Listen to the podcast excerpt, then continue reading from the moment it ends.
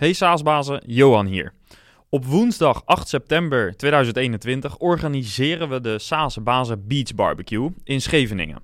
De barbecue is uitsluitend voor founders en C-level execs van SaaS-bedrijven. En we starten al in de middag met twee inhoudelijke kennissessies, waarna we gezellig gaan borrelen en gaan barbecuen dus.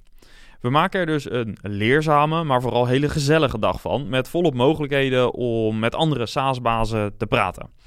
Ik ben zelf ook heel blij dat Jan Aleman, voor veel van jullie een bekende naam, dan ook in Nederland is en de barbecue ook bijwoont en iets gaat vertellen over sales. Kortom, zorg dat je erbij bent. Schrijf je in via saasbazen.nl. Klik even op barbecue of klik de link in de show notes van deze aflevering. Yes, welkom bij weer een nieuwe aflevering van de SaaS Bazen Podcast. Mijn naam is Johan de Wit, host van deze podcast en oprichter van Noordhaven.io. In deze podcast ga ik met SaaS-bazen in gesprek over hun business. En naast deze podcast is er ook een online community voor SaaS-bazen en een tweewekelijkse online meetup waarin we praten over onderwerpen die jou als SaaS-baas bezighouden. Ga naar saasbazen.nl voor meer info. Deze podcast wordt mede mogelijk gemaakt door een van mijn favoriete tools, Leadinfo. Met Leadinfo zie je welke bedrijven jouw website bezoeken. En zo herken je dus anonieme websitebezoekers en verhoog je je conversie. En Leadinfo ontwikkelt steeds verder door. Zo geeft Leadinfo je niet alleen een overzicht van elke websitebezoeker, maar met Leadinfo zie je ook gedetailleerde browseractiviteit. Dus je ziet waar de gebruiker met zijn of haar muis zit. Ook kun je aan de slag met lead forms en met talloze integraties maak je lead in een handomdraai onderdeel van je marketing en sales stack. Probeer lead gratis. Ga naar leadinfo.com slash saasbazen. Hoge bomen vangen veel wind. En dat is voor mijn gast van vandaag ook zeker het geval. Eind jaren 90 was zijn softwarebedrijf maar liefst 12 miljard waard. Hij bracht vernieuwing in de ERP-markt, deed aansprekende overnames, ging naar de beurs en hij maakte de gevestigde orde moeilijk. Door razendsnelle ontwikkeling van software en door pure ondernemersdrijf. Hij vloog zo rond in een eigen privéjet en uh, op weg naar gesprekken met andere grote tech giants en klanten op wereldschaal die draaiden daarbij op uh, zijn ERP. De lijst met successen is dan ook groot. Het gaat over Jan Baan, natuurlijk, die vandaag te gast is. En toch waren er niet alleen successen. Naast de grote pieken heeft hij als ondernemer ook ontzettend moeilijke tijden meegemaakt. Zijn route met Baan Company kende ook een kantelpunt en er kwam een einde aan de groei en uiteindelijk was er het afscheid van de business. Maar tot vandaag de dag is hij bezig met de wereld van IT. En ook de struggles en verliezen hebben het ondernemerschap nooit afgeremd. Sterker nog, met zijn huidige platform is hij nog steeds bezig met grote vernieuwingen. Ik was dan ook ontzettend blij dat hij mijn uitnodiging accepteerde om in gesprek te gaan. Heel benieuwd naar het inkijkje in de gedachten van iemand die zo'n enerverend ondernemersbestaan heeft, ging ik met hem in gesprek. Let's go! Ja, meneer Baan, goedemiddag. Welkom in de podcast. Ik zeg Johan. Goedemiddag. we hebben afgesproken om te tutoyeren, maar uh, meestal uh, verval ik toch weer in het patroon om u te zeggen. Dus uh, vergeef me daarvoor. Feel free. Um, we gaan het vandaag een, een, beetje hebben over het verleden, denk ik. Over wat u allemaal heeft opgedaan als, denk ik toch wel eerste SaaS-baas van Nederland. Zo vrij ben ik dan even om dat te noemen.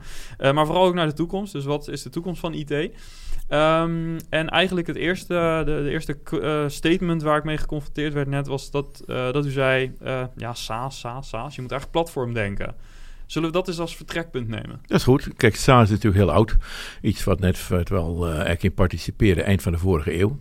En dat betekent dat je SaaS, dat wil je dus ook doen, software as a service, ook met open source en met open componenten. Maar het meeste, 90% wat daar nu gebeurt, is erg ambachtelijk. Uh, je begint met iets en je begint aan de voorkant en je bouwt dingen die eigenlijk daar net niet in de systemen van de, uh, de professionele systemen van de vorige eeuw, de ERP-achtige systemen en Oracle's, SAPs, membraanproduct en zo, die daar eigenlijk functionaliteit niet is. Dus dan doe je het al aan de voorkant. Sorry. En meestal doe je dat dan ook, laat ik zeggen, uh, niet geïntegreerd. En, nou, en dan zie je ook een heel ambachtelijk streven. Dan begin je, dan heb je meer mensen nodig en dan moet je meer huren en het wordt flink betaald.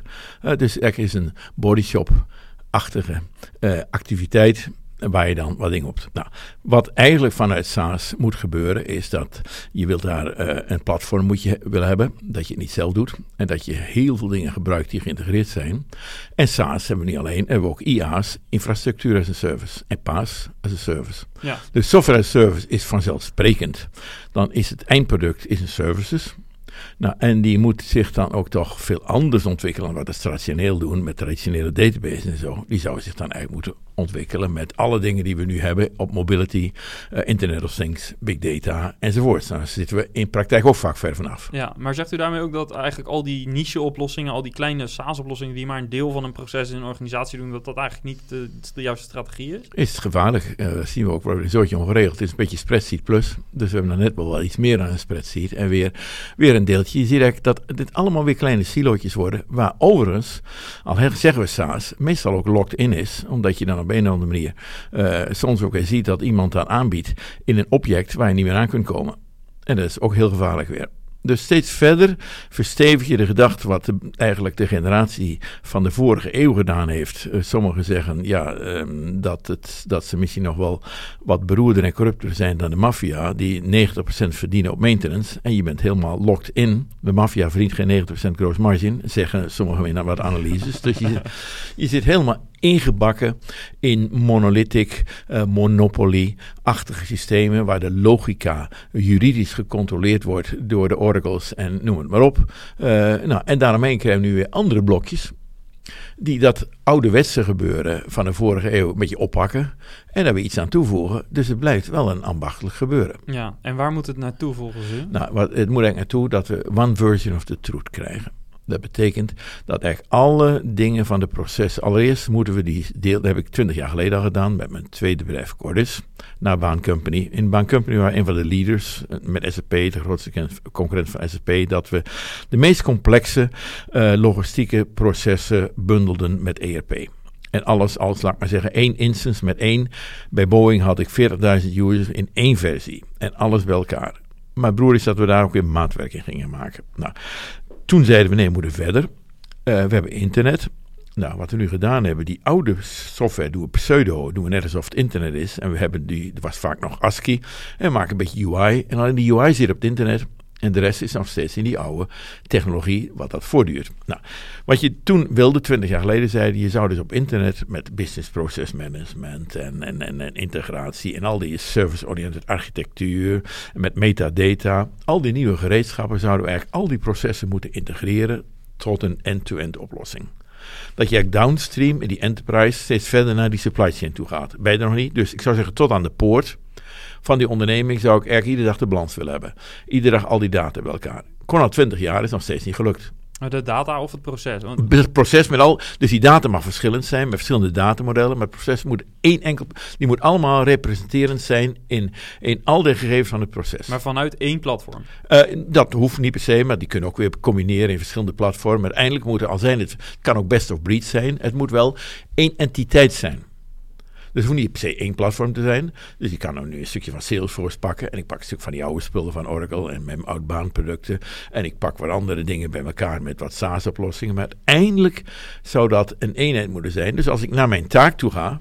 Dus ik zou kunnen zeggen, wat is nu een onderneming? Is eigenlijk een samenstelling van bedrijfsprocessen. En Porter heeft daar ooit als genoemd Operation Excellence. Ja. Er bestaan niet OPEX, maar het zijn allemaal silo's. Ja. Dus eigenlijk zou je zeggen, de hoogste Operation Excellence is, is het SAP-systeem, waar de meeste users hebben. En wat ik, daar heb ik een eenheid, daar zou ik de hoogste Operation Excellence zijn. Van een klein gedeelte van die enterprise. Nou, al lang zou het moeten zijn Operational Excellence. En daar werken al die processen bij elkaar. Maar dan hebben we ook een wijze man. En voordat hij stierf, Pieter Drucker, in het jaar, ik geloof 95, was eind van de vorige eeuw, zei hij, ik zie wat anders. Ik zie dat we naar buiten gaan, dat we naar de supply chain gaan en dat die processen zich manifesteren in taken. En die taken wil ik bij elkaar hebben voor de supply chain. Nou, dat is nu de nieuwe technologie wat we willen. Dus zou eigenlijk nieuwe applicaties willen maken. Wij noemen dat vandaag noemen dat microservices. Met de technologie van gisteren.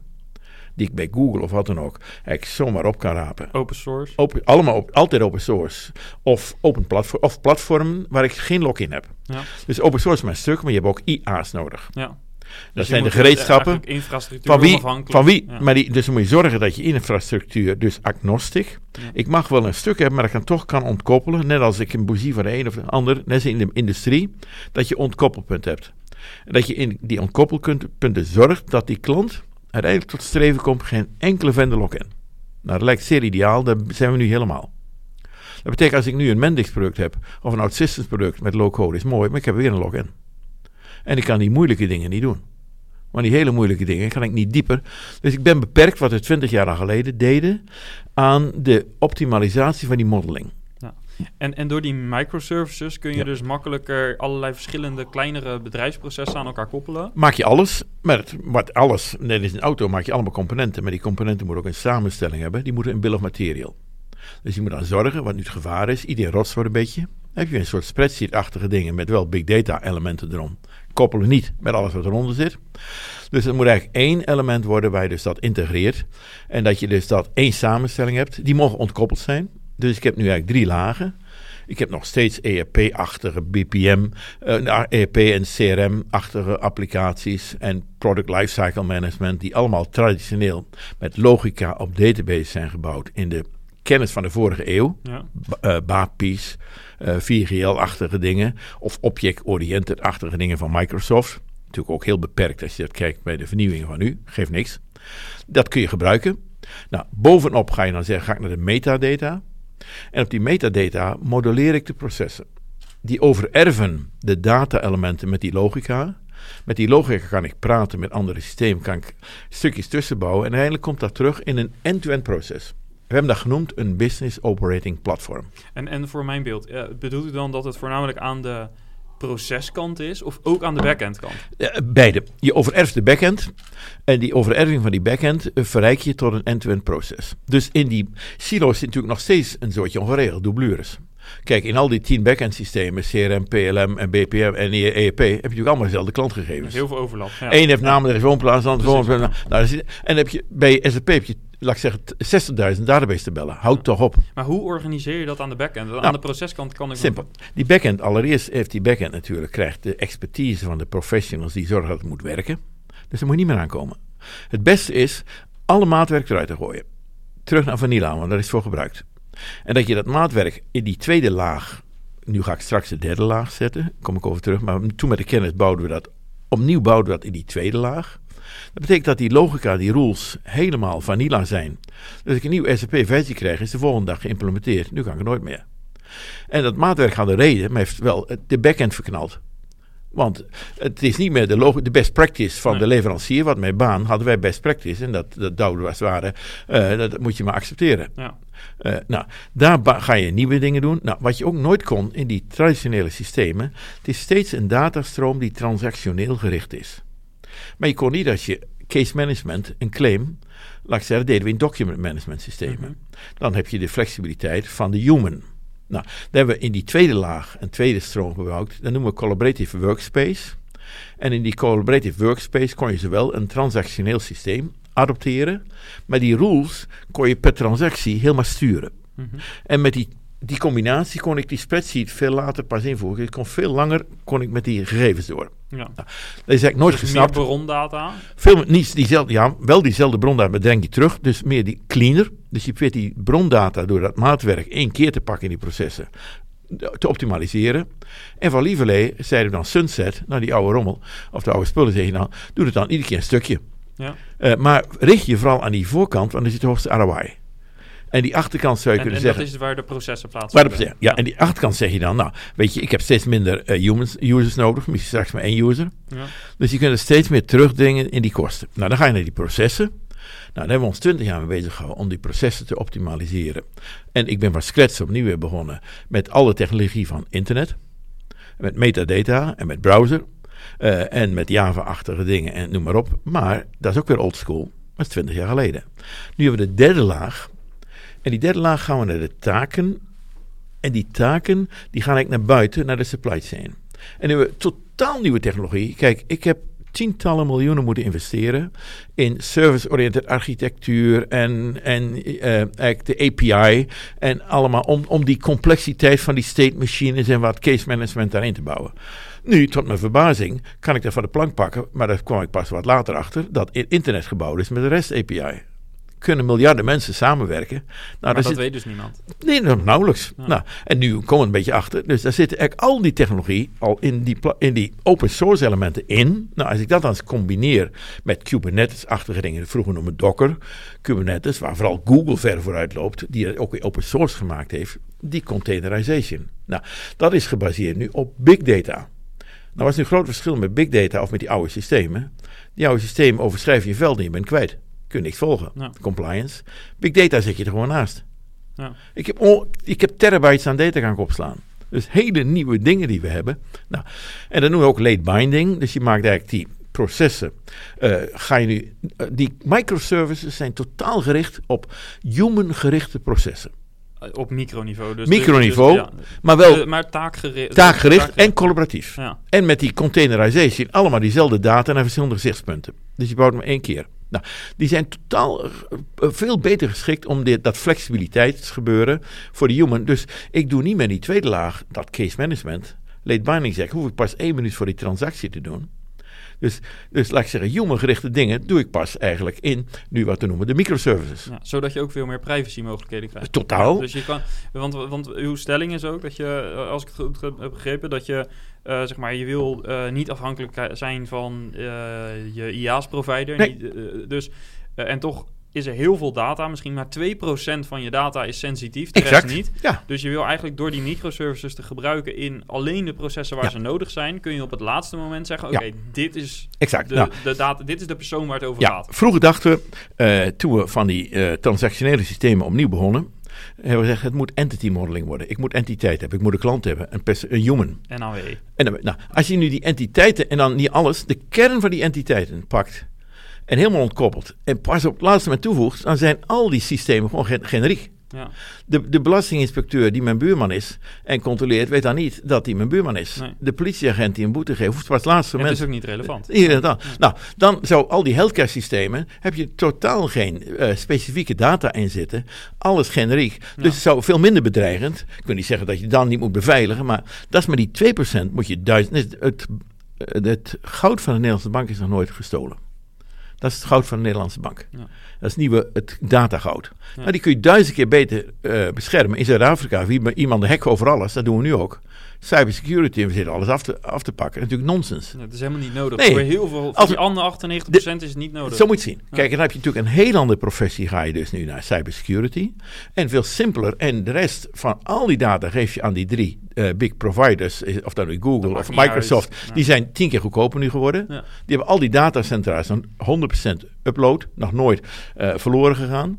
Desnoods doe je het in beide. Als je het bij Google doet, dan ga je het ook een keer voor de zekerheid bij andersom. Inderdaad, ja. Kost ook allemaal niks. Nou, wat zie je nu met die voorkant? Dan zie je dus dat we eigenlijk in staat zijn met die containerization deze dingen te maken. Maar dan hebben we ook iets heel anders. Eerst zaten we in relational databases. In die tweede fase gingen we in metadata. Maar dat is nog steeds niet dynamisch. Het moet semantisch worden. Ja. Dus nu zitten we in die big data, in semantische elementen en ook nog eens een keer dynamisch. En dan zeg je in late binding, op het laatste moment kan ik een appje maken en met die app kan ik iedere milliseconde op mijn mobiel praten met iedere sensor. Die zit er al standaard aan. IoT. Ja. Ja, nou als ik nu terabytes aan IoT data, die snap ik niet, hoef ik niet te hebben. Ik hoef alleen maar het uitkomst te hebben. Dus als ik nu een wifi zet in een, eh, in een eh, olieplatform.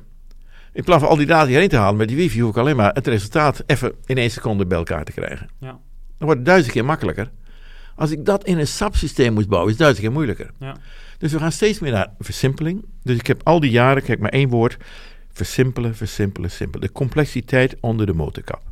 Je versimpelt constant wat ik vroeger in een jaar moest implementeren, waar het SAP er drie jaar over deed, bij Boeing deden we in een jaar. Doen we nu, deden we in die tweede, maand, in, een, in, in tweede termijn in een maand misschien, 20 jaar geleden, doen we nu in een paar dagen. En wat ik toen met 3000 mensen deed, doen we nu met drie mensen misschien. Omdat ik al die halffabrikaten geïncorporeerd heb van IAAS. Dus vroeger moet ik backups doen. Dus ik doe nu maar 3%, 5% van de activiteiten is code bouwen. Nou, die bouw ik niet, die genereer ik nu. Hm. En die genereer ik van een spreadsheet, waar ik misschien later wat meer, waar ik omheen praat. Dus dan zien we steeds, laat ik zeggen, de enorme productiviteit van low-code, no-code. Waar ik 20 jaar mee bemoeid heb. Maar nu nog meer een totale nieuwe dimensie krijg in loco en geen vendor lock-in. Nou, dat is toch wel een mooi vak. Ja. En wat doen we dan? Kijk, wat is nu het grote verschil? Eh, software is te duur. Omdat door het ambachtelijke gebeurt, is een soortje ongeregeld. Uh, moet je bij de overheid kijken. Je, het is toch ongekend. Uh, ieder departement is wel 100 miljoen gaat weer fout. Er zit niemand, geen enkele minister die er, die iets van snapt. Geen enkele staatssecretaris.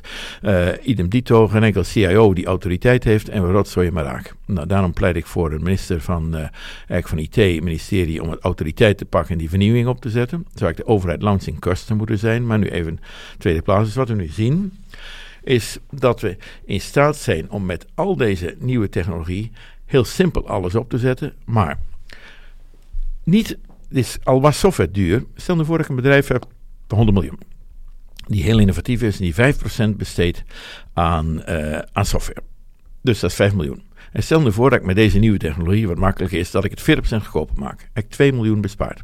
Maar dat gaat niet om. Pieter Drucker zei al, deze technologie in de supply chain zorgt ervoor dat ik twee keer beter mijn taak kan doen. Dat betekent, nou, je hebt nog wat andere kosten dan lonen, maar laat maar zeggen, dan kan de EBITDA anderhalf keer meer zijn. Ja. Dat is natuurlijk heel wat anders. Als het bedrijf anders 10 miljoen EBITDA heeft, heeft misschien of 20 miljoen, heeft 30 miljoen EBITDA. Maar dat bedrijf daardoor met die vernieuwing in service groeit vijf keer sneller. En die zijn nu allemaal nog niks waard bij de Googles. Misschien één keer de omzet. Dan zijn ze vijf keer de omzet waard. Dus een bedrijf is dan twee keer sneller is 200 miljoen en vijf keer de omzet is 1 miljard waard. Dus het verschil is 900 miljoen. Market cap in plaats van 2 miljoen kosten. Ja. Dus we zitten aan de vooravond dat we nog te veel kijken naar de kosten. Dat is zo nonsens, alhoewel dat beheersbaar moet worden.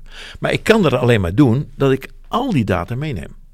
Dus ik moet al die onderliggende data, moet ik een uh, end-to-end proces hebben en one value of the truth. Ja. Dus een betrouwbaar ding. Spreadsheets mogen niet meer, is het meest gevaarlijke product. Uh, want is eigenlijk weer alles afgeleid. Los, ja, Ja, precies, ja. wij gebruiken wel die techniek, maar meer om, om die business te genereren en, en op te zetten. Ja. En eh, als je eh, met, met deze visie, als je nu kijkt naar zo'n digitale enterprise, ehm, wat is nou, waar zit nou echt de sleutel om dit te Is dat op architectuurniveau? Ja, of, ja. De eerste sleutel is altijd niet digitaal. Wij zeggen dat, maar we denken dat digitaal PDF is. Dus als ik boeken ga lezen op internet, denken we dat digitaal bezig zijn. Nou, is zo dood als een pier. Dus de digitale enterprise moet een dynamische enterprise zijn. Die iedere milliseconde al die sensoren weer op kan pakken. Aan de voorkant. Maar dat is late binding, hoeft niet voor alles. Maar al het andere moet wel eenmalig geassembleerd worden. Maar dat betekent dus dat daar je het begint met architectuur. Architectuur. En, en, het is, grootste is probleem. er een gebrek aan Ja. architectuur? Bijna niemand, bij, ik zie bijna niemand die dat doorziet. Dus mijn en- en enkeling... waar beginnen ze dan? Nou, waar begin... nee, het is rommel maar raak. Dus iedereen een beetje. En een Vanuit bak. legacy? Ja, een beetje legacy. En we doen een beetje saas. Maar wie, kijk, als ik helemaal niet snap wat mij aangeboden wordt door Google. Ongekende technologieën. Dan moet ik alleen maar zorgen dat ik geen login heb. En, en dat ontkoppel. Maar dan heb ik, of ik maar, laat ik zeggen, 90% krijg ik er gratis bij. Maar dan moet ik architectonisch weten. Nou, de, vervolgens heb ik nog een hele bak met open source componenten. Nou, vroeger heb ik het allemaal zelf moeten bouwen. Dus ik gebruik open source componenten die niet altijd volmaakt zijn. Maar omdat je het daarvoor al had en weg kon gooien, kun je er weer wat dingen omheen bouwen. Zoals een auto moet je eigenlijk assembleren en ontkoppeld. Die dingen. Het is eigenlijk gewoon een industrieel proces. Ja, En wat doen we nu? Alles is handmade. ja, Dus kan, iedereen kan garanderen, dit product van mij is handmade. ja. Dat moet niet.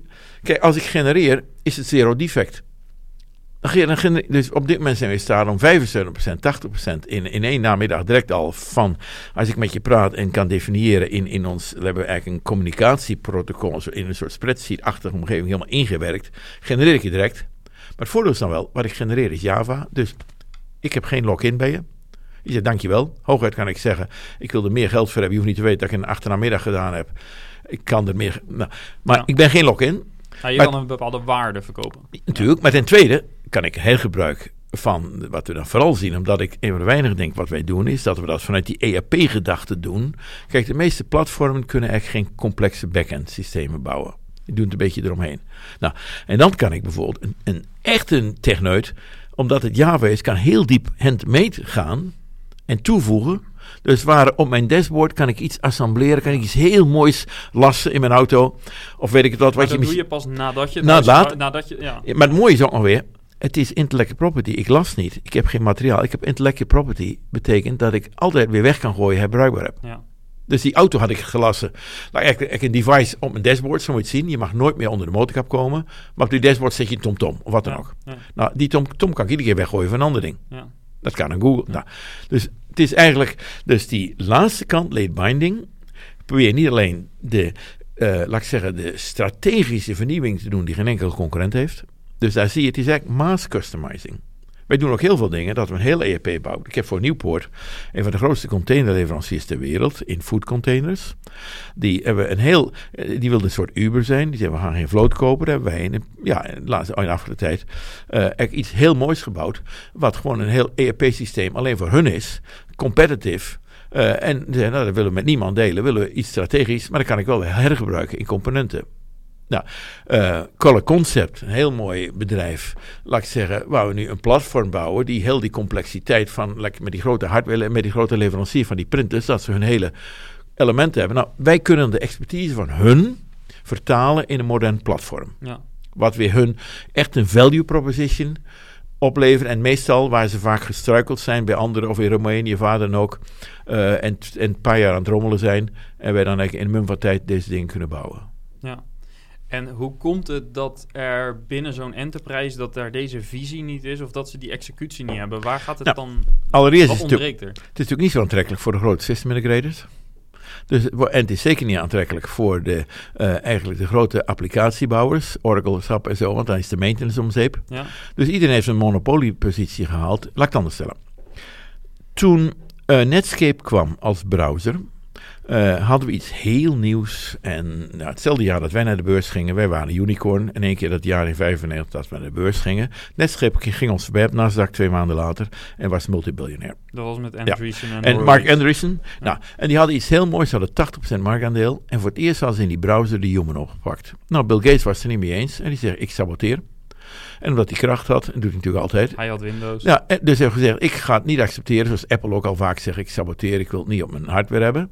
Eh, dus dan word je door de monopoly drive van die hele grote vendors die heel veel geld hebben en heel veel macht, die blokkeren steeds innovat- innovatie. Dus Netscape, of in dit stuk, Microsoft zegt, eh, ik wil alleen maar, eh, je- ik, ik geef je Office, nou ook een product van de vorige eeuw, houd toch op. Nou, SharePoint, jongen, jongen toch, nou, moet toch, nou, dat zit allemaal nog in leven. Nou, en daaromheen hebben we dan eigenlijk allemaal componenten. En we hebben dan die browser, die geven we ook bij. Nou, marktaandeel van Netscape werd 1%. Maar Andriessen was wel slim met een paar venture capitals. Heeft die aandelen toen nog hoog verkocht. En het geld gestopt in iets wat in één keer tientallen keren meer opbracht. In Facebook, Amazon en, of, en, en, maar- en Google. Ja. Nou, toen hebben we gezien, vandaar een, ik, ik noem dat eigenlijk de, je zou kunnen zeggen ik, ik, ik, eh, eh, dat de, de, de hele eh, technologie eigenlijk steeds consumerized is. En continu hebben we nu gezien dat iedere keer die digitale dingen, is steeds meer geconsumerized. Maar die applicatie waren van de vorige eeuw, nou, dat hadden we heel handig gedaan de vorige eeuw. Want we hadden natuurlijk maar, maar megabytes eh, voor al die dingen. Dus we zeiden, die data is er 100 miljoen keer op moeten slaan in 1968. Als we afspreken dat als er 68 staat, dat we er 19 bij bedenken. En doen we één keer een statement. Nou, toen kregen we een drama. Eh, we 99. dachten niet dat dat zover meeging. Dus in 1999 kon het niet meer gesorteerd worden. Nou, toen hebben we 1 miljoen mensen in India ingehuurd. Die Oracle, SAP, Microsoft en baanproducten, die allemaal gezorgd hebben dat dat met eh, ready was voor eh, Y2K. Dus die hele oude zooi hebben we nu allemaal meegenomen. Dat leeft nog steeds. Hadden we beter niet moeten doen. Die Veel die- beter hadden we echt innovatie gehad. mensen. Ja, ja. Maar wat is het, broer, de kinderen van Google snappen weer niet die EEP. Nee. Dus er, waren- was weinig talent wat in staat is om toch nog steeds die complexe basis... Als je een product lifecycle management moet, systeem moet bouwen, doe je zo maar niet. Ja. De masterplug en scheduling in ERP kunnen maar een enkel paar en enkel mensen die in staat zijn... en dan ook nog eens een keer die projectaanmachtige dingen... en dat, laat ik zeggen, dat je met tienduizenden gebruikers... al die logistieke processen, die zijn niet zo simpel. Nu wel, als je het weet. Nou, dat meer, veel meer, dus we hebben gezorgd dat we dat geconsumerized hebben. We hoeven niet alles te bouwen. Ik, in 20 jaar geleden maak ik een beetje fout dat ik zeg weg met dat oude spul van mezelf.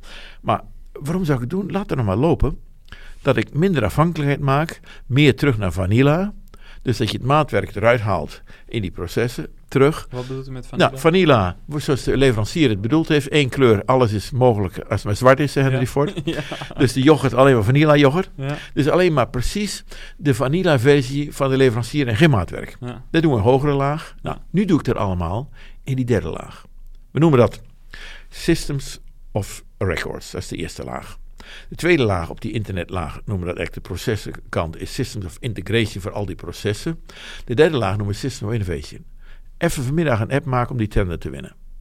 Maar die moet dan wel overerfd worden. Nou, nu zijn al deze appjes individuele eilandjes. Lijkt aardig, maar het leven is gevaarlijk. ja. Dus eigenlijk wat we moeten bouwen is geen platform, nog veel meer is een ecosysteem. Ecosysteem dan. Ja.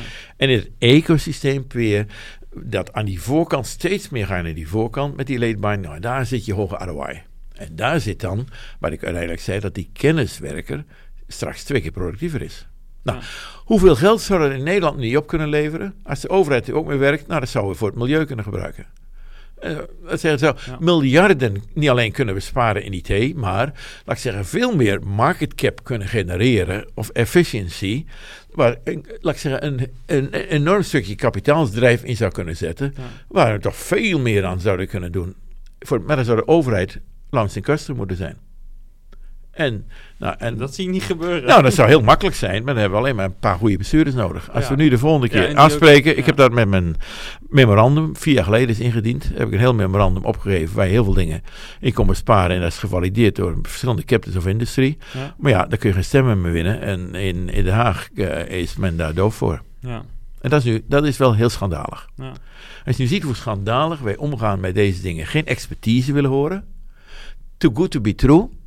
De gemiddelde CIO weet er ook nog te weinig van en I'm not fired by SAP of Oracle. Dus dat is eigenlijk het ambachtelijke Ja. in onze industrie. Handmade. We zijn eigenlijk, we noemen high-tech, nou het is meer low-tech, high-pay. Dus we zitten in een hele ambachtelijke industrie. Ja. Nou, ik loop zo'n 42 jaar mee. Eh, en ik vind het nog leuk om dat nog een beetje te doen. Je kunt er op de slofjes nog een beetje bijbenen. dus dat vind ik wel mooi. Ja, en als je het dan hebt over, eh, er zijn in, de, in onze community, onze podcastluisteraars, er zijn echt eh, tientallen, in Nederland wel honderden start-ups en scale-ups die maken dan een SaaS-platform. Ja, Ehm, toch gek om los te lopen. Nou ja, in aanloop naar dit gesprek eh, bedacht ik me ook, eh, toen ik wel wat aan het inlezen was, ehm, eh, u denkt heel groot. Ja. Ehm, Maar executeer klein. maar het verschil is denk ik dat... het- het- misschien is de, de, de reden dat eh, u wat groter denkt wellicht dan, eh, dan, dan ik zelf. Maar eh, dat... U denkt ook niet in een SaaS-applicatie, Nee. een specifiek deelproces voor een bepaalde Ik vertical. denk, in de, die moet één ding denken, is de business. Ja, en ketenoverschrijdend Ja, volgens mij. kijk, wat je nu doet, waar natuurlijk gigantisch veel expertise in de toekomst nodig is, in de concurrentie, dat net iedereen die voor... Kijk, als ik nu een Apple pak, is dat een mass customized product. Maar mijn gebruik van Apple is eh, dus eh, is specifiek voor mij. Dus je hebt twee dingen, eh, is specifiek en generiek. En dat specifieke moet je zo laat mogelijk doen. Dus ik kan met diezelfde Apple, kan ik de deal van, kan ik de business van jou winnen, omdat ik daar laat ik zeggen, heel specifieke dingen doe die ik jou niet deel. Ja. En we gebruiken toch, nou, zo zie je het ook. Hetzelfde device, ja. Dat is ontkoppelen. Dus, dus dat is klanten een ontkoppelpunt. En, en er zit zoveel te verdienen constant dat al deze mensen, waar we om zitten te springen, resources maken die mijn business morgen helpen. En dus is het iedere keer hetzelfde paasplatform te maken. Maar Google, ongekende dingen kun je nooit meer tegenop. Daarom zie je Iedereen droomt van een, laat ik zeggen, een unicorn. Nou, 3%. En misschien 5% komt naar een scale-up. En voor, nou, het komt wel weer een beetje terecht. Voor Habbekrat verkoop je het weer. Dus de meesten die beginnen komen wel weer aan eigen geld. Omdat iedereen wil er wel een keer opzetten. Maar het is eigenlijk wel, laat ik zeggen, ook daarin houden we elkaar behoorlijk voor de gek. Uh, en de pizza eten en allerlei dingen doen, een beetje hard werken wil niet zeggen dat dat natuurlijk gelijk en uh, dat je zinvol bezig bent. Ja. Het is ook, ik ben blij dat ik niet te vroeg voor mezelf als entrepreneur begonnen ben. Wat had het verschil gemaakt? Nou, had was ik on, on, geen rijpheid. Hm. Ik heb toch een beetje gewend. En dan is dan een entrepreneur. Kijk, een goede entrepreneur is een slechte manager. Maar ik heb een beetje mijn vaardigheden, heel kleinschalig. Ik ben als boekhoudertje begonnen, later financieel controller en, en dingen omheen. Maar heb ik mijn professie in management een beetje kunnen leren in, in zo'n twaalf jaar. Al meer, ik ben met 16 jaar begonnen. Dus, en nog een zes jaar later had ik toch wel best een beetje wat basis geleerd. En toen ben ik voor mezelf begonnen. kwam ik in Silicon Valley terecht. En in 82 voor het eerst in Silicon Valley. Maar ik kon in een paar minuten toch dingen vertalen en adopteren. Vanuit de executie die je een beetje meegemaakt had. Ja. Dus vernieuwende dingen die je in één keer ziet. En dat is niet zo moeilijk, daar leer je weer snel van. Ja. En eh, de, de quote, een eh, goede ondernemer is een slechte manager. Ja, Eh, altijd. hoe heeft u dat geleerd? Nou, ten eerste al, kijk, ik, toen, voor, toen, ik was altijd de beste, laat ik zeggen, toen ik jong was. En ik kon een beetje, wat is carrière, maar ik kon een beetje groeien. En de eerste dag dat ik voor mezelf begon, ik een paar centen, want ik had een paar keer een huis verkocht. Ik had een mooie auto gekocht, ik vond het hartstikke leuk. En ik had nog nauwelijks klanten met een idee om iets nieuws te ontwikkelen. Dus niemand viel me lastig. En ik kon in één keer denken wat er over vijf jaar gebeurde. Dus toen heb ik eigenlijk de vaardigheden verleerd om te leveren wat je beloofd had. En toen heb ik wel gezien dat ik mensen in kon huren door mijn onrust. Ging naar Silicon Valley, ja, moest je bureau vrijmaken. Nou, daar huurde ik andere jonge honden in, dus laat ik zeggen fresjes. Die op die taak twee keer beter dat konden dan ik, want die werden niet afgeleid waar ik bezig hield. En twee keer goedkoper is wel vier keer effectiever. Ja. Daar kun je natuurlijk niet tegenaan. Dus wat je echt moet doen, je assembleert, het gaat over attitude. Je moet wel iets hebben als onder, je moet kunnen verkopen. Dus je mag best wat introvert zijn als je met jezelf bent. Je hoeft geen rol te spelen. Maar als ondernemer moet je het charismatische talent leren. Dat zit er niet in. Ik was een beetje een verlegen, wat is verlegen, maar toch wel een bes- meer bescheiden misschien dan nu. eh, toen ik begon. Eh, en, en onzekerder misschien dan nu. Maar toch, maar ik heb wel een stukje, laat ik zeggen, autoriteit en charisma ontwikkeld. Waar ik het team altijd achter me kreeg. We gaan de wereld veroveren. Follow me. Nou, Maar en waar dan- kwam dat vandaan, die drijf? nou, dat de- zat erin. Ik, doordat je zag. Je ziet iets waar je zo excited in bent en dan leer je de vaardigheden. En ook een paar keer flink tollen, omtollen en leren. Van je fouten leren, heel snel. Nou, mensen, me- dus de kracht ligt in de motivatie. Dus ik kon ook rondlopen. Ik kon mensen, omdat ik ook kon delen. Ja, in dit stuk moest leren te delegeren. Weet je ook niet wat je doet. Een ondernemer heeft eigenlijk weinig te doen. Want ik heb wel eens gezegd, als je dat in een, eh, diagram pakt of zo. 10% van alle tijd wat je doet, doet er misschien toe. Weet jij nog wat drie maanden geleden succes was? Weet je niet eens, dan is het ook niet belangrijk geweest. Dus waarvoor, als je terugkijkt naar vorig jaar. Hoeveel beslissingen waren belangrijk? Nou, dan kom je terug op 5% van je activiteiten. Ja. Maar je moet wel heel veel dingen doen. Je moet heel dag voor zijn. Dus je moet leren dat je eh, alles wat je doet, al is het meer in een hobbyachtig gebeuren, bezig bent en delegeren en toch wat oppakt. Om daar te zorgen dat het je kernexpertise, wat je wilt, in die entrepreneurial decisions en initiatieven, die ook weer, ook weer overerft of steelt van je mensen om je heen, maar die je assembleert, dan moet je een eenheid van maken. En in je gevoel moet je weten, ga je noord of ga je zuid. En dan razendsnel doen en leren van fouten.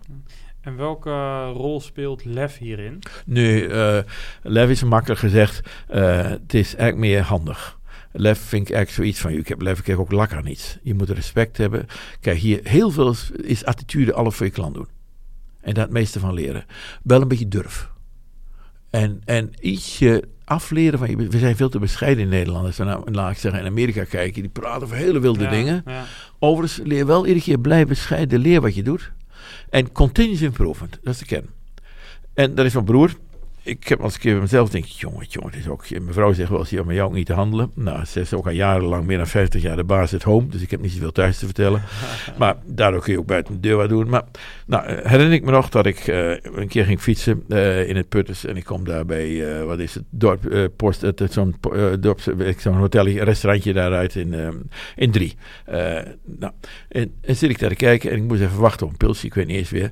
En tien minuten later had ik de hele tent al verbouwd. Ik denk, mens, hou toch op. Dus je bent altijd Ja, ja. maar bezig. Ja. Is dat onrust? Is het gedrevenheid? Ja, je bent eigenlijk altijd maar bezig. Dan probeer ik het wel te doen in mijn vakgebied, waar ik door, door andere dingen te lezen, of soms in theologie, of andere dingen me bewust te ontkoppelen. Om, om, om ook, laat ik zeggen, je, of een keer te lopen, om, om, om, om je kern nog, nog sterker te maken. Ik ben heel innovatief. Aan de ene kant misschien, aan de andere kant kan ik heel conservatief zijn. Ik lees met je 17e eeuwse theologen, wat ik ook mooi vind, en heel veel van kan rijpen. En die, die basis geeft mij, denk ik, nog meer afstandelijkheid soms. Maar als ik ja, bezig ben met iets, ja, dan, dan, dan moet dat gebeuren. Extreem gedreven, ja. Wel gedreven. Eh, eh, u zei net ook, ehm, snel eh, beslissen. Eh, groot denken, snel beslissen en ook gelijk en klein handelen. executeren. Ehm, de, de, u zei in het voorgesprek even, visie is bullshit. Ja. Dat is het mooie woord voor. Uh, ja, Nou, hoe zit dat? Ik ga een voorbeeld geven. We- je moet kijken, je nieuwe visie, wat doen we? Plan A of plan B? Nou, plan A of plan B is we gaan de berg beklimmen in Zwitserland. Maar er is heel veel mis, dus we kunnen de top niet zien. En we gaan drie dagen discussiëren, moeten we linksaf of rechtsaf? Ik zou zeggen gelijk, we gaan linksaf. Nee, zeg je gaat recht, dan gaan we rechtsaf. Doet er niet toe. Als, Als ze maar, gaat. nee, als Als ze maar, nee, als ze maar noord of zuid gaan. Hm. Dus we moeten wel het gevoel hebben dat we vanuit onze eh, synergie en allerlei dingen doen. En, en, en dat we, in, laat ik zeggen, in constant die baas, wat ook de gevolgen daarvan een toevoeging is tot wat we doen. Dan gaan we te veel links. En dan worden vannacht, eh, vanavond, wakker, morgen morgen wakker. Dan zeggen we, hadden we iets naar rechts moeten gaan. Dan gaan we naar rechts. Gaan naar rechts gaan, we links gaan. Doet er niet toe. Ja. Kijk, je hoeft niet alles te overzien. Eh, en je moet ook het lef hebben. Wat het meest moeilijk is, is dat je lef hebt. We hebben altijd dingen gebouwd die niet bestonden. Of heel vaak. Ja. Dus dan moet je. Dus je hebt nooit. Je hebt niet echt een er referentiekader. Nee, je hebt geen. niet weinig. Ja. Wel iedere keer terug dat je. En meestal denk je. Maar het komt nooit uit. First time good. Maar soms, maar gelukkig dat het niet uitkomt. Maar dan is het beste dat je een goede fout maakt en het weggooit. Maar als je een klein foutje hebt, dan zit je aan legacy, ga je door. Ja. ja, als je Dus- hem accepteert. Of je Rem- ziet een klein foutje. Ja, Rembrandt. Rembrandt had het lef om in één keer zijn kinderen weg te gooien, terwijl ze schilderijen. Ik schild erover. Hm. Met alle kennis die hij had, ik begin weer opnieuw. Dus heel vaak begin je weer opnieuw. Ja. En source code is het broerde wat je kunt hebben. is het broerste. Je moet, iedere keer moet je die source code weggooien en opnieuw beginnen. En dan de nieuwe versie moet twee keer meer functionaliteit hebben en de helft van de code. Nou, dat hebben we natuurlijk niet bij SAP gedaan en alles. Dan worden we eh 80.000 database te bellen en we gaan maar door. En niemand komt er meer uit. Dus het is zo'n monster geworden. Ja. En dat houden we wel aan. En als je dus, dus die monsters, ook mijn oude baanproduct is inmiddels, ja, met al die code die er bestaat, ja, het zijn de monsters van complexiteit geworden. Ja. Nou, nou, dat moet ik dan omsingelen. En iedere keer ga ik sunset, iedere keer, dus eerst terug naar al die rare dingen die een keer ingebouwd zijn, nog tien keer te complex. Die kan ik veel mooier nu aan die voorkant bouwen. Doe ik in drie dagen Ja. met drie mensen en anders zit ik me in, in zes maanden met, met, met 300 mensen die oude, oude spullen te pakken. Maar accepteer ook. Kijk, ik heb ooit een Tesla gehad. Ik vond het zo'n mooie auto. Ik vond eigenlijk toch een mooie Duitse auto mooier. Ik vind niet dat auto's kunnen maken, maar wel die autopilot vond ik mooi. Maar in diezelfde Tesla zie je nog mechanica, zie je nog elektronica en software, drie lagen. Je moet bereid zijn in verschillende technology waves te werken. Ik zit ook in die drie waves. Transactionele systemen, een soort mechanica van de vorige eeuw. Die tweede wave van die processen breng je eigenlijk altijd maar met je elektronica. Maar nu heb ik derde software. Nou, die wordt nu alleen maar de voorkant voor die autopilot gebruikt. Die wielen zitten nog steeds. Ja. Maar software neemt steeds meer over Ja. van de functionaliteit van de mechanica. Ja. En zeker van de elektronica. Ja. Nou, zo moet je ook zien. Dus je moet echt denken zoals automotive denkt. Over zo'n auto die. eh, Iedere variant die iedere minuut van de band komt, is verschillend voor iedereen. Maar die kan nu met een zero defect, met lage dingen, kan die hond- honderden duizend kilometers mee. En voor jou is die net wat anders. Alleen zeg jij, ja, ik ga niet stuurmiddelen inzetten, kun je niet betalen. Dus je, ik wil vier of twee portieren. Ja. Ik ga niet anderhalf portier. Dus je hebt beperkingen in het generieke. Maar in je dashboard kun je allemaal wilde dingen doen die je zelf wilt. En dat ziet geen hond. Laat ik zeggen, daar heb je geen last van. En dat zie jij wel. ja, alleen de gebruiker die het nodig Dus heeft. in je Ja. dashboard, dus wat we nu doen, extra moeten zeggen, de kracht van alles in software is de API geworden. Dat hadden we vroeger niet. Toen hadden we ASCII. En die API is zo krachtig, dus het kan, is eigenlijk, eh, connecting the dots zijn die API's. En in die API's heb je ook nu zoveel integratiemogelijkheid. Daar wil je eigenlijk die basis, en wil je ook assembleren. Dan wil je ook die ontkoppelpunten hebben. Wat accepteer ik nog wat er voor ligt in die downstream elementen. En waar het gaat in die, laat ik zeggen, eh, ja, in, in, nou, in die wat je, eh, die eh, andere elementen, die processenkant. Want die processen van een onderneming, die stoppen bij de poort. En als je weggaat, dan doe je echt de taak. En dat is eigenlijk workflow. Nou, die taak zou echt veel meer met multi-tenant zou die in een, eh, in een supply chain moeten zitten, dan dat die alleen voor jou in je bedrijf zit. Ja. En in die API kan ik met jou als concurrent van mij, maar soms collega, afspreken dat je bepaalde dingen niet mag zien, maar bepaalde dingen doen we samen. Nou, en die containerization is zo krachtig, waarbij dan niemand nog maar gebruikt. Eh, en is zo simpel. En die maakt het honderden keren makkelijker. En die kan gelijk late binding met al die sensoren, kan die integreren. Ja. Nou. Waardoor je rijkere value proposition Veel meer. En, wordt, Ja. en dan geen totaal andere value proposition. En dan gaan ook veel meer DevOps, die zitten allemaal ingebakken. Uh, continuous innovation, continuous development, CICD. Je bouwt een brug als het ware, maar aan de ene kant begin je en ondertussen ga je nog veel ontwerpen. Ja. Maar als je het, eigenlijk zijn het een aantal concepten die u schetst die mij doen denken aan agile development. Zeg ja, dat is nog veel meer. U, u, ik denk 20 jaar. We deden al 30 jaar in, in India deden we Scrum. Ja, maar, maar hoe, uh, uh, hoe reageerde uw team toen u op deze manier... Want dit is niet alleen een manier van developen, het is, het is ook een manier van ondernemen. Ja, het is attitude, maar, ook de attitude. Hoe reageerde uw nou, team daarop? Nou, kijk, ik heb daar niet... in ieder geval ik iedere keer, vier keer per jaar kwam ik altijd in India. En liet ik vier dagen, zat ik hele week lang in al die demonstraties. Uh, en dat ik wel autoriteit en kon je dingen negen bij elkaar pakken. En dan kon je toch in één keer zeggen, ja, zo gaan we wel doen. Dus wel van nou, stapjes. Dus daar heb ik al, uh, toen leerden we dat Scrum en alle dingen. En dat we UX, zulke soort dingen al in Scrum deden. En dat we die al van tevoren, dus waren we aan het ontkoppelen al in de vorige, dat was de kracht van baan was eigenlijk het development platform wat we hadden, was toen al lang, eh, laat ik zeggen, eh, agile. Uh, dat leren van onze klanten in Japan. Uh, Komatsu en alle dingen. Van de Toyota invloed. Eh, Toyota hadden we heel veel dingen al. Ik heb geleerd van manufacturing. Ja. En niet van het ambachtelijk van mijn collega's. Nee, juist niet. Juist nee, ja. Ja, ja, ja. En uh, als je kijkt naar uh, zeg maar wat jullie in, u zijn net al uh, heel veel geleerd in die tijd. Jullie zijn heel snel natuurlijk op een gegeven moment naar 12 miljard. 10 miljard, ja, ja zoiets. Miljard.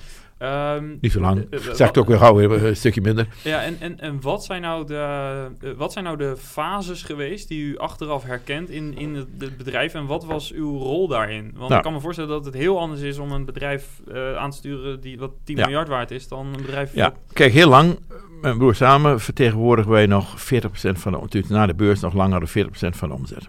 Dat betekent dat je alles te zeggen hebt. Maar de volgende aandeel daar op een gegeven moment 5% nog. Uh, dus je bent de hard en de soul van de company. Maar in de operations doe je weinig, want heb je professionals, McKinsey mensen, uh, IBM'ers en alles die uit die top komen, die greedy en heel veel verdienen en die eigenlijk in je operations doen. Maar je hebt wel de hard en de soul. Dus ik had lang, altijd heb ik R&D gedaan. En, en vanuit de productenkant. Maar die operations, al lang gedelegeerd, deed ik altijd al. Dus dan zit je eigenlijk al in het, dus dan zit je meer en meer kom je als entrepreneur heb je steeds minder toegevoegde waarde omdat je zwaar in een instituut komt, omdat ik de hele wereld doorreizen en, en overal kwam, uh, heb je wel iedere keer je invloed, want je komt daar als de owner en de founder van de company met je autoriteit. Ja. Dus ik uh, bij die klant en, en ik had uh, daar al die jaren continuous, laat ik zeggen, education, education permanence.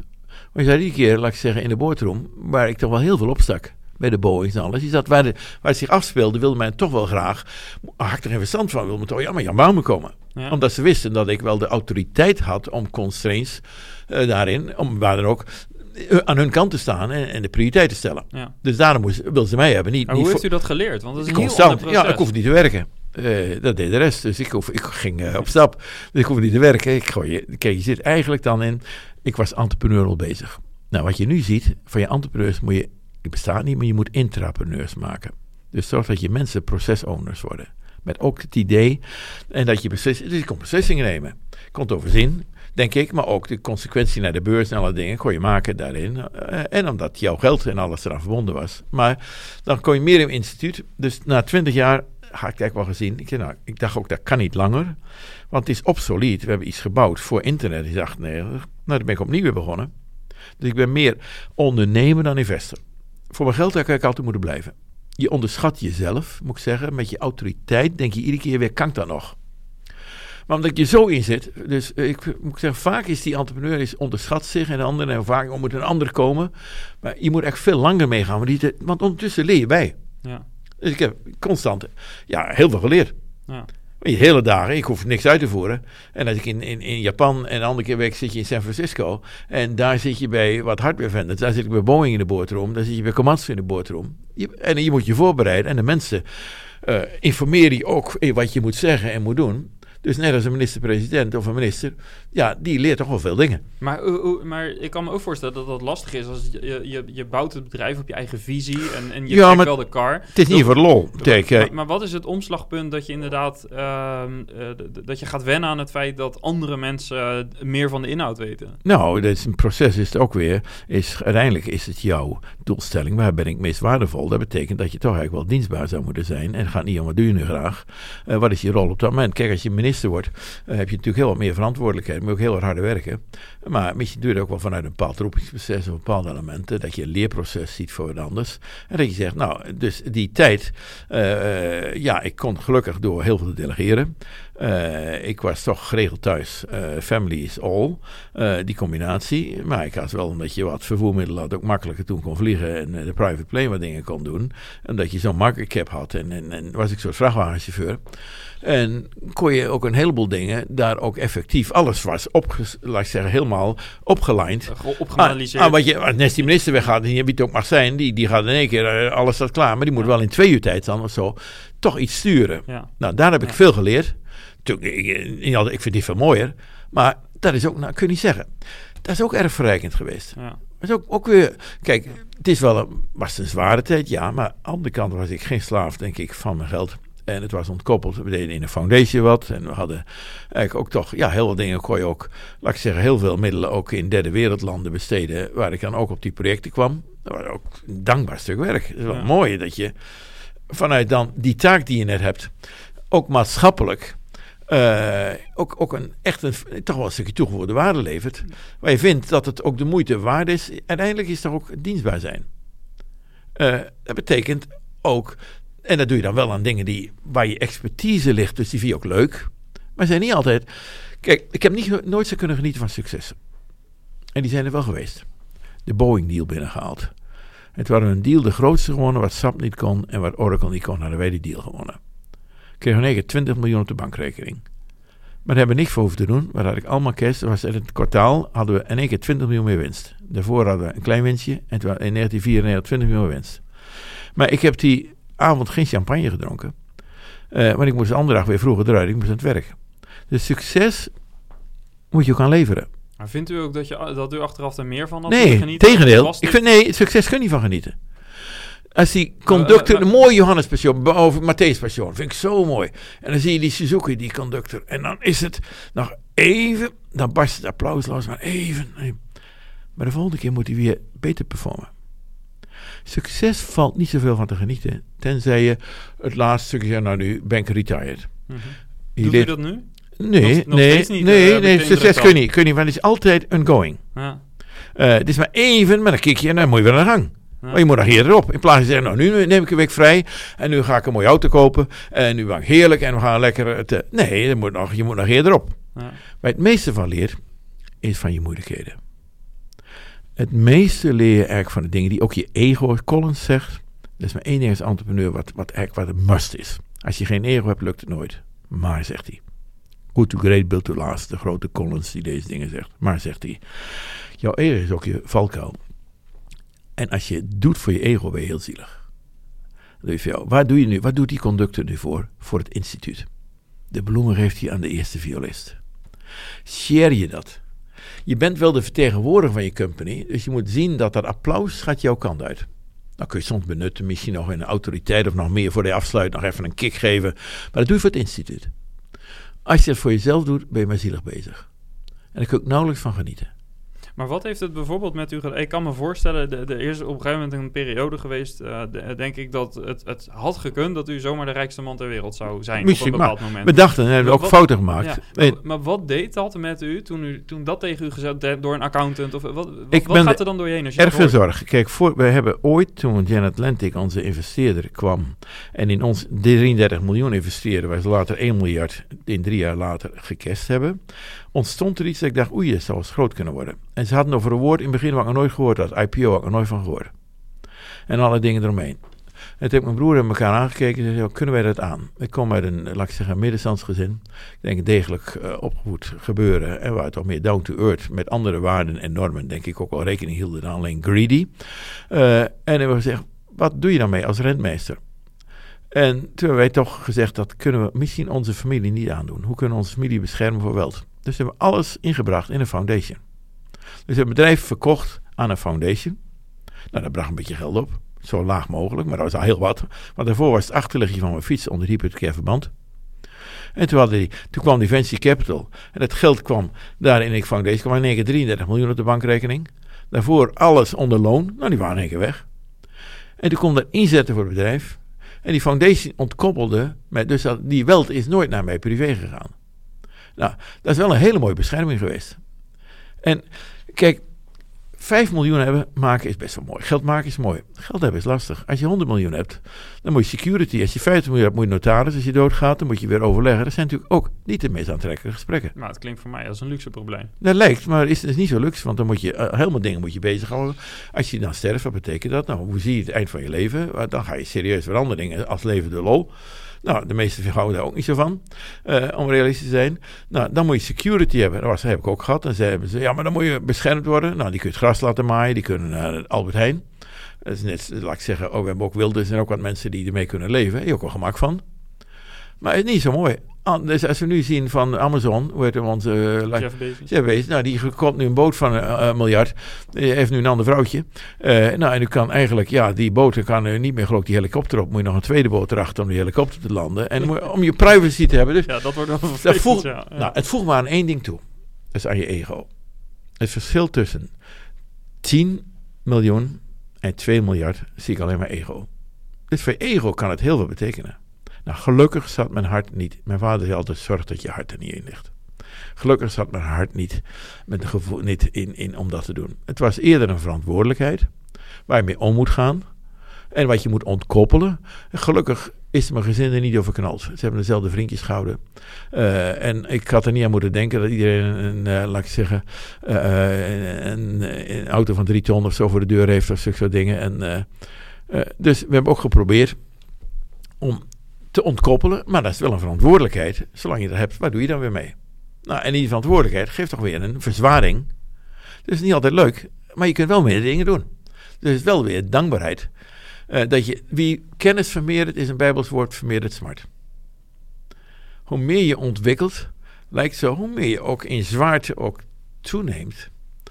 En ik zie er ook wel eens een, een, ja, als iets goddelijks, maar in, in mijn terugkomt, dat er soms ook een omtuining, zeggen ze wel eens, dat er iets omheen gezet is. En we dachten eerst ook wel, we hebben veel gegaan in de M&A-kant, in die baankant. Dat we 10 miljard dachten met de McKinsey en dingen, increasing returns, dat het wel 50 miljard waard kon zijn. Door die M&A-kant is het heel andere kant uitgegaan.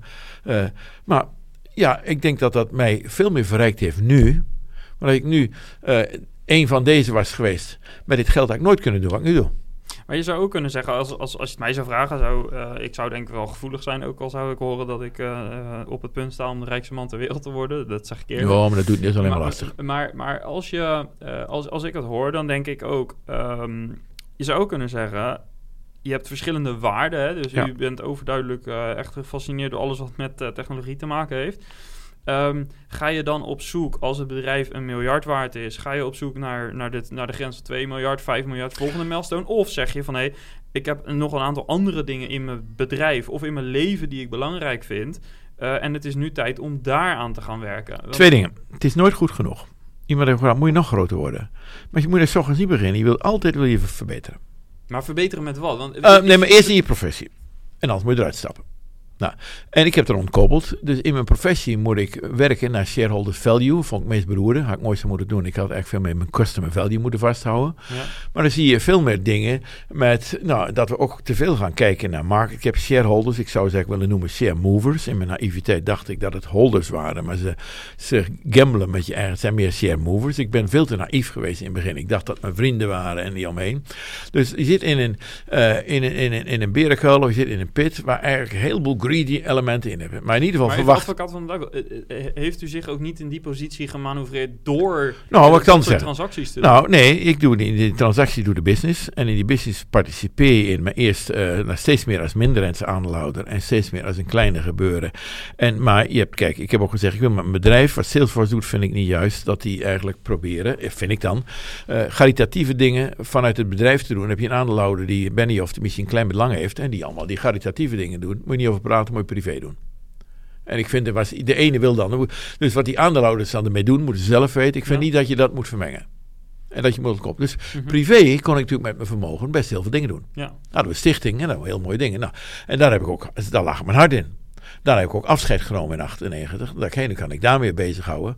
Maar toen ging verminderde waarde en hebben wij Cordis weer opgezet. Nou, zo, nou, zo heb je dus. Dus dat moet je ontkoppelen. Zolang ik dus in geroepen ben en mijn rol zie in die company, dan moet ik natuurlijk wel voldoen aan ook de andere aandeelhouders. Wat voor visie iedereen ook heeft, dat die aandeelhouder verwacht dat daar een goede ROI in zit. Ja. En dan moet ik niet zeggen, ja, ik vind het nu wel goed genoeg en we gaan leuke dingen doen. Dan misbruik ik. En dan moet je ook geen, moet je privaat bedrijf zijn. Ja. Moet je geen IPO doen. Nee, precies. Nou, de eerste dag dat je iets accepteert van een angel, heb je je zaken verkocht. Realiseer je, de eerste dag van een venture capitalist, moet je echt realiseren dat je afscheid van een bedrijf neemt. Want dan gaat er exit worden. Ja. En daarom heb ik eerst, toen ze mij vroegen, heb ik nee gezegd. Omdat ik vond dat mijn kind, een van mijn kinderen, mijn business, dat ik dat op moest geven. Later heb ik gezien dat misschien wel zo sterk waren, dat we dat moesten doen. Nou, de eerste jaren kon ik het financieren, hele rare manier. We hebben altijd ons IP verkocht, tig keer over, aan concurrenten, met OEM-deals. En de verkopers, oeh, die waren al bang. Nou, als ik nu aan, met IBM in begin, of met Boel, dan hebben we een deal van 2 miljoen of zo. Verkocht misschien wel een waarde van 10 miljoen, maar ook mijn product hebben als je 2 miljoen geeft. En die 2 miljoen kon ik alle R&D mee betalen. En daardoor geen verwatering. Maar het is een heel ander model. Dan je, je moet, die, het zijn ratten vaak. Je zit veel te vroeg zit je in handen van, oh, die ronde heb je nou, die, in het podcast ook. Je hebt net verstand om het eerste stuk op te pakken. Je geeft wel ta- 80% weg in je naïviteit. Ja. Probeer het zo lang mogelijk zelf te doen. Zodat je ook niet die... die die- Niet verwateren. eh, en, en, en niet verwateren. Niet te alleen- vroeg. Niet, maar niet, u zegt eigenlijk niet alleen vanwege de cash, maar ook vanwege het feit dat je je eigen schip niet meer kan besturen zoals je Nee, het zou willen. nee, je gaat er veel langer. En door aan de concurrent te verkopen, ja, dan was je bang. Maar die pakt in één keer, die heeft het ook. Hebben hetzelfde, maar een jaar later zit ik hier. Ja. En deze evangeliseert voor me. Ja. Dus het beste wat je in de sterkste men later erg gewaardeerd, als je aan je concurrent je eigen product durft te verkopen en daar nog weer mee verder gaat, dan zit hij in je slipstream. Ja. Nou, en daarom hebben we altijd R&D. Daarom kon extreem innovatief zijn met R&D. Ja. Want die PNL was altijd daardoor op eh, positief. Eh, En, en nou, later heb ik te veel geld hadden we. En toen ging het eerste jaar hadden we 60 miljoen verlies in. Dat was ook hartstikke mooi. Eh, je hoeveel- wel echt bouwen. heel erg gigant. Met 400 mensen direct kwam de eerste dag bij me. De beste van mijn company die, die we meededen. Ze hebben fantastische stuntjes engineering uitgehaald. Maar we liepen wel tien jaar voor de, voor de muziek uit. Ja. En de CIO's zagen nog niet wat we deden. Dus nu zijn we een beetje weer terug. Je moet altijd iets generieks durven. Kijk, anders was er nooit geen voor geweest. Maar je moet ook weer de acceptatie krijgen in die klant. Dus acceptatie is een cruciaal. is niet het beste in, in de acceptatie. Het is kwaliteit, maar even sterk speelt acceptatie. Ja. Dus die twee elementen vind ik de kernelement van ondernemerschap. En dan vind ik dat je meer en meer, wil je echt ondernemer zijn, bouw je altijd een product. Dat is natuurlijk heel wat anders dan service. In plaats van een dienst. Ja. Dienst. Ja. Maar uiteindelijk wordt het product een dienst. Ja. Maar dat is heel nieuw, dan wordt het eigenlijk het product een leverende dienst. Maar het mooiste is natuurlijk iets bouwen wat er niet is. Ja. Nou, en dat is natuurlijk echt, vind ik echt ondernemerschap. ja, zeker. Natuurlijk heel wat anders dan, laat ik zeggen. Kijk, nu, Coolblue zijn mooie bedrijven, maar echt verkopen ze alles in een doos. Nou, ik zou morgen willen zien dat het net misschien over twee dagen geleverd wordt, maar dan al vandaag even geassembleerd wordt. En dat ik geen voorraad heb. Dus nu lijkt het wel weer aardig, maar het is nog wel heel beperkt wat we doen in eigenlijk al deze platformen. Ja, u, u zegt eigenlijk, ze creëren niks nieuws. Het is een Nee, variatie op Het een variatie op voorraden. En ze doen beter voor de catalog. Ze hebben een platform. Ja. En, en die klant vindt het mooi. En ze doen heel veel dingen. Ja. Maar Maar het is eigenlijk geen vernieuwing. nog lang. Nee, je wil. Nou, ik zal anders zeggen. Het is wel mooi in dat platform. En fantastische dingen die ze doen. Om zo'n platform op te zetten. En ze creëren misschien voor gemakzucht voor die klant. Maar waarom moet je het nu in één dag hebben? Eh, waarom moet je het nu nog even in vijf minuten hebben? Maar is het niet wat dat bepaalt de consument? Jawel, maar die maken ook gek. Maar die consument, dat die zou misschien veel meer hebben als hij kan kiezen. En misschien is een heel mooi product even op drie avonden samen kan stellen. En dat die dan volgende week geassembleerd wordt van vijf kanten. En dat er geen voorraden komen. Ja. En dat die op het Dat laatste is de supply moment... chain slimmer En dat is maken. supply chain Ja. slimmer. En nou, dat wordt natuurlijk Het veel meer... Concept Ja, bijvoorbeeld. ik. Ja, We gaan. Nu zijn er nog steeds, laat ik zeggen, make-to-stock Ja. componenten. Dat is eigenlijk, nou, we gaan naar dynamische Het componenten. is een oude handelaar Ja, eigenlijk. ja, die op een handige manier. ja. En, nou, en dan gaan we met... Nou, dus het kan nog veel beter. Ja, ja, Zullen we het daarbij laten? Ja, nou, ik heb nog wel een Oh. vraag over het. eh, eh, de, de, die, u, zei al, eh, je hebt natuurlijk ook moeilijke perioden. Welke periode in het hele cyclus heeft u als meest moeilijk ervaren? Nou, alles. Het zijn heel veel moeilijke periodes altijd. Maar de moeilijkheden zijn vaak veel dieper dan... Je hebt meer littekens, maar daar leer je het meest van. En in Bijbels gebeuren staat er in eh Hebreeën 12 staat er iets heel moois in. Er staat waar iemand zegt, ja, dat in die wereld van de moeilijkheden... dat juist daarna versta je het pas... en dat je daarna de vreugde mag hebben... omdat daar leermomenten in zitten. Nou, leren heb je altijd moeilijkheden, heb je altijd pijn voor nodig. Met pijn leer je het meest. Niet aantrekkelijk, maar achteraf wel mooi. Dus die littekens zijn ook iets moois. En wat is het grootste litteken? Opa, mooi. Kijk, eind van baan, baancompany uit Corris. Ben ik te vroeg, laat ik zeggen. eh, verkocht aan open tekst, te vroeg. Eh, ja, laat je toch wel wat na, wat, wat je niet verwacht had. Maar weer, heb ik zoveel geleerd waar ik nu profijt van heb.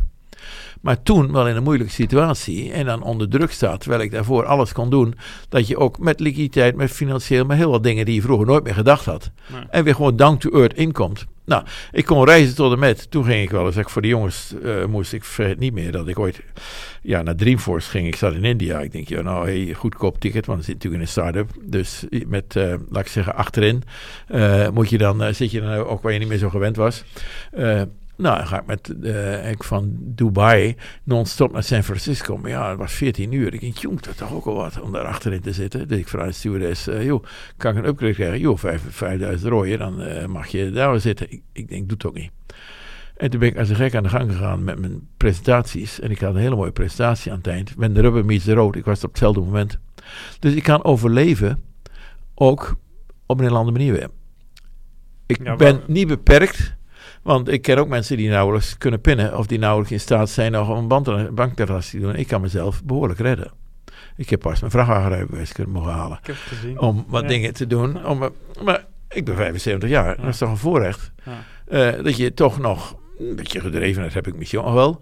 Ik denk dat nog wel een beetje weet waar het om gaat. Dat ik deze dingen nu een beetje kan vertellen. Dus ik heb ook nog een toegevoegde waarde naar mijn drie zoons die die business doen. Die wel eens zeggen, ja pa, eh, dat doen we zo niet. Eh cash first, waar ik misschien nog wel meer innovatiever zou willen zijn. Ja, ja, ja. Maar aan de andere kant vind ik nog dat ik daar nog... En ik ben nog steeds de enige aanlouder namens de family. Ja, Nou, dat vind ik toch wel heel aantrekkelijk. En wel een hele mooie, eh, mooie tijd weer. En, en wat doet u nu anders dan in, in zeg maar de, de Ja, 20 jaar geleden? Doe je altijd al. Kijk, en in feite is het natuurlijk constant dat je meer mature wordt. Je bent meer, je rijpt meer. Vroeger was je veel naïver. Maar diezelfde durf is er nog wel. Eh, dus die drive is nog wel steeds meer in die optimalisatie dan in alleen maar eh, de financiële trekken van morgen. Eh, en ik heb ook geleerd dat dat meerdere, dat, dat zo minimaal is. Ik heb natuurlijk wel ja, heel wat mee mogen maken met, laat ik zeggen, als je de wereld rondging, met heel veel niet, de business tours waren natuurlijk wel heel anders kwalitatief dan dat we op vakantie gingen. Ja. Nou, en dan doe dan, ga je, vind je niet leuk op vakantie? Oh, een bepaald ding vond ik niet zo leuk. Eh, maar het is wel een goede therapie. Bepaalde dingen wel mooi, dat je met de familie samen was. Dus als je dat nu eens leert, en als je, zeg, wat vind je nu mooi? Iedereen is allemaal flauwekul. Je gaat zeggen, wat is fantastisch. Je vertelt maar een paar dingen. Geniet je nu iedere dag zoveel? Er zijn ook heel veel dingen die je gewoon moet doen. Dat is goed, het is ook een discipline. Waar je ook voor gezet moet worden. Het is niet allemaal leven de lol. Het is Ja. soms zelfs mooi. Het mooie is dat je, ik vind de meeste waarde die je krijgt is dienstbaarheid. En dat je een maatschappelijk toegevoegde waarde hebt. Nou, of dat nu maatschappelijk verantwoorde ondernemen, wat je het ook noemt. Maar dat, hoe meer je, en hoe meer je dus in staat bent met successen, toen hoe meer je ook voor een ander wat kunt betekenen. Ja. Nou, er zijn ook heel veel mensen, ik heb 15.000 LinkedIn-contacten. Als ik geen eten heb, dan geloof ik wel heel veel mensen die, die wel, eh, misschien wel een kostje voor me willen brengen. En die ook heel veel aan mij te danken hebben gehad in het verleden, in hun carrière. En dat nog steeds laten merken. En waar ik heel veel respect van krijg. Eh, ondanks mijn eigenaardigheden, die zijn misschien ook wel aardig, mijn eigen. Mijn eigenaardigheden, waar ik ook met hun, maar wel geprobeerd open eh, en eerlijk. Je moet niet proberen te liegen. Moet je alles bijhouden. Moet je versie release control houden. Maar je hoeft niet, ik hoef niet populair naar je te zijn. Nou, dat zijn elementen waar je ook iets rijpt. Eh, iets effectiever wordt. Ja. Ook wat milder wordt. Ook wat meer geduld krijgt. Eh, eh, maar En waar, waar uitzicht dat mildere in? Eh, Oh, milder is er veel meer dat je toch ook... Ja, je ouder wordt is wel goed dat je milder wordt, rijper. En, en, en ook... en vooral, mild moet je altijd wel zijn... Gun iemand dat hij een fout maakt. Maar zeg wel, als ik jou achterkom dat je niet meer functioneert... En ik, meestal was ik dan te trots in mijn ego dat ik natuurlijk niks tegen je zei. En dan loop je drie weken te klieren en, en dan sla ik, eh, eh, lig ik s'nachts wakker. Dat moet ik nu zeggen. Maar dan moet Colin zegt, maar dan moet je zitten in de bus of niet in de bus. Maar dan moet ik het ver oplossen. Dan kan ik veel beter die oplossen. Maar dan ben ik natuurlijk niet populair nu bij jou. Maar achteraf zijn we ja, je had misschien toen toch wel gelijk of zo. ja. Dus je moet ook weer niet jopie popie. Er zit je ego. En dan natuurlijk mijn ego. Waarom kom, oh, waarom kom ik nu weer hier? Nou, je vroeg er vooruit alweer. Nou ja, ik denk, meestal is het alweer ego. Nou, nu zit ik niet meer zo te wachten. Laat ik zeggen, of die nu, eh, komt het al? De eerste keer het eerste artikel in de krant vond ik al, uh, keek je eruit. Nou, Ja. ik wil ook al, ja, ik werk me uit de naad nu voor jou. Dus in dit jaar bijna een uurtje of zo geloof ik. Ja, een uurtje. Mensen- denk ik. Ja. Nou, ik heb knap mijn best gedaan. Nauwelijks voorbereid. Wel, even, nou, ik zag een goede voorbereiding. ja, maar klein. Ik even, alleen vanochtend een beetje. Dus ik heb vanaf het tegen gegooid. Waar ik ook, maar dat heb ik, maar dat is alleen maar herrekken naar iemand anders gestuurd. Die dat vroeg. Maar ik denk, dat kan ik ook voor jou gebruiken. Dus het is nog niet eens precies voorbereid. Ja, maar, ja, ja. Nou, maar dan ga ik wel iets weer meer. Dus dat geeft je weer een beetje dat je geen nonsens uit zit te praten. En wat je doet. Nou, daar doe ik mijn gigantisch best. Maar daar kunnen de jongens ook een baat bij hebben. Als het een goed verhaal is, eh, is dat misschien ook weer een, goed, een goede boodschap. Ja, En daarom kost het je ook niks Ja. om dat te doen. ja. En ik hoop dat je daar baat bij hebt. Ja, nou, ik zeker. Het heeft mij eh, eh, geïnspireerd. en ik, eh, ik vind met name fascinerend om te zien de gedrevenheid. Natuurlijk, ik heb de- op de inhoud, de document wat u stuurde en wat we besproken hebben, is natuurlijk sowieso interessant. Ook vakinhoudelijk. Mhm. Maar wat mij wel echt fascineert is de drijf. Eh, want, want wat ligt daarachter? Wat, wat is uiteindelijk de reden? Och, dat is- je- dat is het DNA. Hm, Dat zit, zit in het aard van Maar dat kan je dus niet veranderen. ook. Aard van beestje. Nee, dat vindt mijn vrouw wel eens lastig. ja, ook met eh, het halen van drijfbewijs. Ja, maar nou, nou, ik ging door. Waarom doe je dat toch? Doe die oude gek nog. Gaat hij nou, dan, eh, het nou? Ja, dus ook, dat is ook goed. Dus dat houdt ons al heel wat jaren samen. Ja. En voor is vooral family first. Dus ik geniet heel veel geniet ik van mijn kinderen, van mijn kleinkinderen, zelfs mijn En achterkleinkinderen. hebben die dat allemaal gemeen? Of, eh, Nou, ik wil je wel eens een, een knaap die nu een moda trekt, zou ik wat toesturen. Jan Baan, die ook zegt, ja, ik vind mijn opa ook wel een beetje, ook mijn tweede vader. En die trekt nu eigenlijk toch een platform van zo'n 100 miljoen, eh, waar die heel jong er allemaal aanstuurt. Ja. Eh, daar zie ik wel weer heel wat herkenning in. Wel Ja. mooi weer. En wat voor ehm, eh, adviezen geeft u eh, zo iemand mee? Eh, meer, dus advies niet per se. Het is meer wat je uitstraalt. En je moet passen met adviezen. Het is alles anders. Het is eerder dat je af en toe, laatste maar hangen, maar dat je, je straalt wat uit. Dus je, je, je, hebt veel te veel over adviezen. Waar kan ik u een advies geven? Er weer. Meer af en toe een keer en eerder wat laten zien of leren, laat ik zeggen, leren van mijn fouten. Eh, als je dat durft te sharen. En wat is dan de nummer één fout die Oh, echt bovenaan het lijstje staat? Oh, heel, eh, nou, heel veel dingen is toch wel, denk ik, dat je. eh ja, als je eerst fout is. de eerste fout die bovenaan de lijst staat, is dat ik echt niet in staat ben in het beoordelen van mensen. En zeker niet in het beoordelen van. wat ik echt nodig heb, is sales talent. Die hebben natuurlijk evenwichtig aan mij, niet nou meer, ook hun verhalen. Waar je erheen prikken. En ik ben ook iemand die eerder al te vroeg begint om het te verkopen. Dan eh, kritisch te analyseren. Ik ben, mijn kracht ligt niet in operational excellence, in, in voortgangscontrole. Mijn kracht ligt, ligt in entrepreneurial stimulatie. Dat betekent altijd positief. En laten we maar een fout maken. Nou, in dat positieve moet je dus heel oppassen dat je delegeert, want anders maak je knoeren van fouten. En mijn vrouw is nog meer eh, goed in. En ik heb knoeren van fouten gemaakt. Bij het aantrekken van mensen die eh, heel wat denken mee te brengen. Maar eh, laat ik zeggen, niet passen misschien dan in mijn denkkader wat wij bezig waren. Ja, ja. En dat vind ik best moeilijk. Ja. Ik geef mezelf minder dan 50% kans. In zeker die, laat ik zeggen, marketing, die outbound gedreven eh, eh, rollen. Ja. Om dat door te hebben. Om dat is ook het meest moeilijke. Ja. Dus Toch heeft u deals aan Boeing verkocht. ja, zeker. Maar dat deden we ook al vaak zelf met die mensen weer. Met jonge honden die we zelf oppakten. Hm. En omdat we gedreven, dus ik zie die verkoopkant moet echt van meer pre-sales-achtig gedreven. Ja. Van binnenuit komen. hoef je niet perfect te zijn, maar heb ik autoriteit bij je. Dus als heb ik een handicap of wat dan ook, of metaal. Of voor mij zei ze ook wel in het begin dat ik een handicap had. Is misschien ietsje opgelost, maar ze zei Jan Baan heeft steenkolen, spreekt steenkolen Engels. En dat vond ze in Nederland maar niks. Maar ja, bij Boeing luisteren ze goed naar me. En heb ik misschien wel wat meer vaardigheden opgezet, maar daar hoef je toch ook niet voor te schamen als je een boodschap hebt. En ik was toch ook, ik kon wel een beetje Duits moest. Ja. Dus dan moet je ook je beperkingen zien.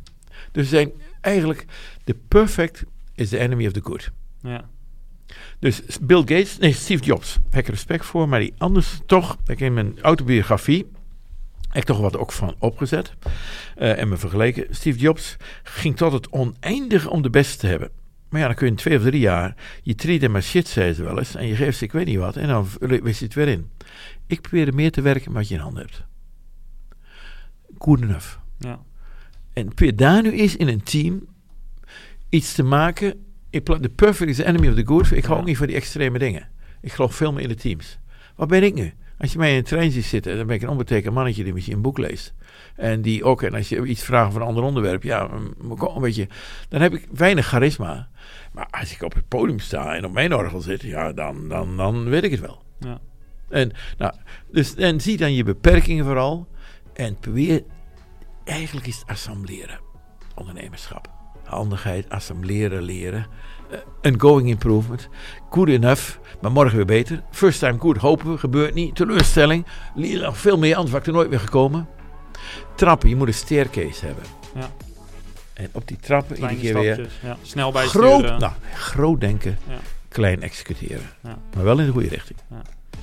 Dat uh, is een mooie samenvatting, denk ik, van het gesprek. Dank, Dank u wel. Graag gedaan. Yes, en ben je op zoek naar meer inspiratie? Schrijf je dan in voor de SaaS-bazen Meetup. En luister niet alleen naar het laatste SaaS-nieuws, maar krijg ook een inkijkje in case studies van andere SaaS-startups en scale-ups. En neem zelf ook actief deel aan het gesprek. Ga naar saasbazen.nl en klik op, op Meetup voor meer informatie. Bedankt weer voor het luisteren. Laat een review achter om ons te helpen om de podcast steeds beter te maken. En hopelijk tot volgende week. Bye bye.